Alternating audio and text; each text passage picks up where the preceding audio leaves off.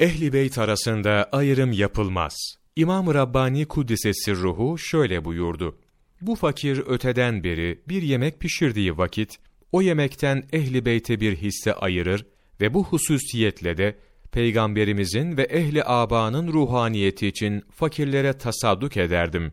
Peygamber sallallahu aleyhi ve sellem Efendimiz'i rüyamda gördüm. Kendisine selam verdim.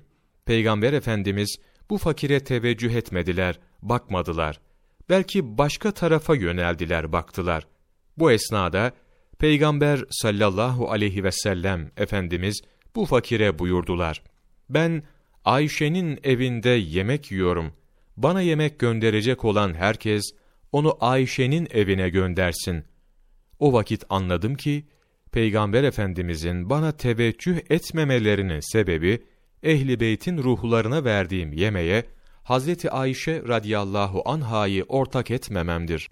O andan itibaren ehli beyt ruhaniyeti için verdiğim yemeklere ve sadakalara Hazreti Ayşe'yi ve bütün hanımlarını o yemeğe ortak ettim.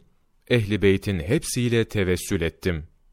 Peygamberimizin sallallahu aleyhi ve sellem evlatları Peygamberimiz sallallahu aleyhi ve sellemin yedi evladı vardı. Hazreti Kasım radıyallahu an, Hazreti Abdullah radıyallahu an, Tayyip ve Tahir diye bilinir.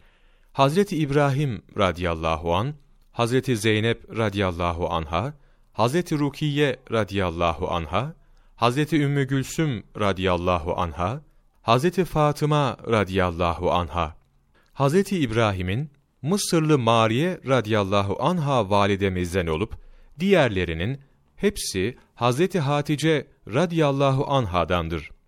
Peygamberimizin sallallahu aleyhi ve sellem torunları Ali radıyallahu an, Ümame radıyallahu an, Abdullah radıyallahu an, Hasan radıyallahu an, Hüseyin radıyallahu an, Muhsin radıyallahu an, Ümmü Gülsüm radıyallahu anha, Zeynep radıyallahu anha, Rukiye radıyallahu anha, Ömer Faruk Hilmi, Ehli Beyt'in fazileti, Misvak Neşriyat, sayfa 136, 5 Temmuz Mevlana takvimi